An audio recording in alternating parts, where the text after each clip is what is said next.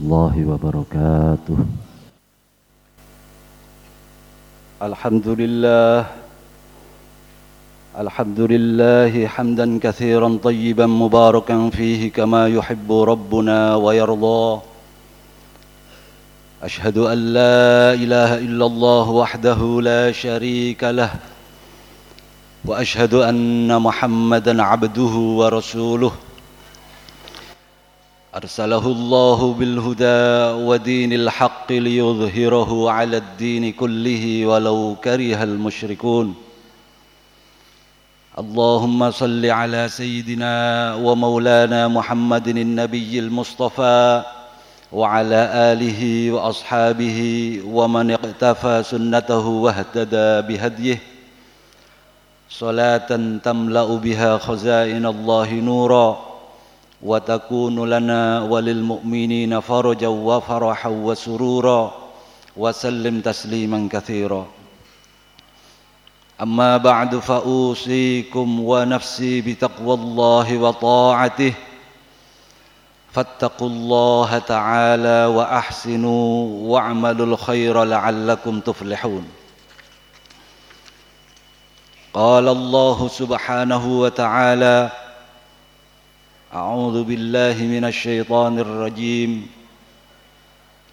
بسم الله الرحمن الرحيم. يا أيها الذين آمنوا اتقوا الله حق تقاته ولا تموتن إلا وأنتم مسلمون. وقال تعالى بسم الله الرحمن الرحيم. وما محمد إلا رسول قد خلت من قبله الرسل أفإن مات أو قتل انقلبتم على أعقابكم ومن ينقلب على عقبيه فلن يضر الله شيئا وسيجزي الله الشاكرين. Kaum muslimin jamaah Jumat yang dirahmati Allah marilah kita mengupayakan senantiasa bertakwa kepada Allah dengan sebenar-benar takwa. Marilah kita mengindahkan wasiat para pendahulu kita yang berwejang untuk bertakwa dalam baik keadaan sepi dan keramaian, dalam keadaan enak maupun sengsara, dalam keadaan apa pun. Tentu kita tidak sepatutnya untuk bertakwa semata-mata ketika sedang mengalami kesulitan dan musibah. Sehingga ketika keadaan berbalik membaik, kita tidak lagi bertakwa kepada Allah, mengendurkan mawas diri dan bersikap tidak bersabar. Bersabar sebagaimana kita ketahui selain merupakan sikap yang tepat pada saat mendapatkan musibah, bala, bencana, yaitu bersikap tatak, tidak panik, tidak bermuram cemberut, mau tidak mau menerima keadaan. Sabar juga adalah sikap yang diperlukan pada saat seorang hamba memperoleh kenikmatan. Dengan tidak bersikap takabur, mengumbar kenikmatan namun dengan mengarahkannya untuk bersikap syukur.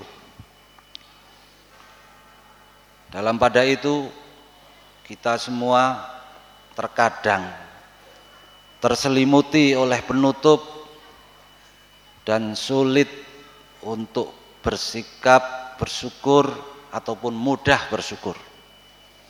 Karena itu para ulama menuntun kita kepada hal-hal yang membantu untuk kita bisa berbuat syukur.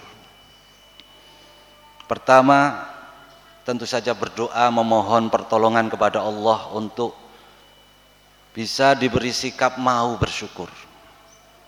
Ada beberapa doa di antaranya yang masyhur yang biasa sering dibaca setelah sholat Allahumma a'inna ala zikrika wa syukrika wa husni ibadatik. Atau Allahumma a'inni ala zikrika wa syukrika wa husni ibadatik.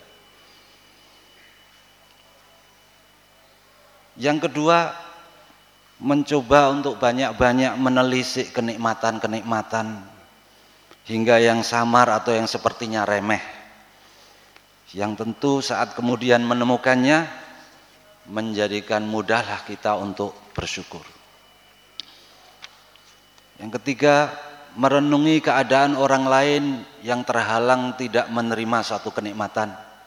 Yang kenikmatan itu kita punyai atau kita miliki. Tentu itu juga membuat kita mau dan mudah bersyukur. Lalu yang keempat, meresapi dengan pandangan hati bahwa kenikmatan itu dapat terjaga dengan bersikap syukur. Berapa banyak kenikmatan yang lepas, hilang begitu saja karena kufur nikmat dan keadaan itu tidak dipelihara dengan sikap mau bersyukur. Yang kelima, menanggalkan sikap merasa berhak dan oleh sebab dirinya lah atas usaha dirinya lah sehingga patut memiliki kenikmatan tersebut padahal sejatinya kenikmatan adalah semata pemberian dari Allah taala. Yang keenam dengan banyak memuji kebesaran dan kebaikan Allah ini akan membawa orang tersebut meniti jalannya orang-orang yang banyak bersyukur yakni keadaan terbaik bersyukur yang muaranya adalah mensyukuri Allah Tuhan sang pemberi kenikmatan. Syukrul mun'im. Setelah sebelumnya syukrun nikmah kemudian yang ketujuh hendaklah mau bergaul dengan kalangan orang yang suka bersyukur dan pintar berterima kasih. Belajar dari mereka hingga terbiasa dan membentuk perilaku ringan untuk bersyukur. Yang terakhir, yang delapan, membiasakan diri bersyukur kepada orang yang berbuat baik padanya dengan cara membalas perbuatan baiknya ataupun berterima kasih dan mendoakannya. Dalam satu riwayat hadis disebutkan la yashkurullaha man la yashkurun nas. Bahwa belum sempurna bersyukurnya seseorang kepada Allah kalau orang itu malas atau tidak mau berterima kasih kepada sesamanya. Barakallahu li fil Qur'anil azim. ونفعنا وإياكم بما فيه من الآيات والذكر الحكيم. أقول قولي هذا وأستغفر الله لي ولكم ولجميع المسلمين. من كل ذنب فاستغفروه وتوبوا إليه. إنه هو الغفور الرحيم. اللهم صل على سيدنا محمد وعلى آل سيدنا محمد.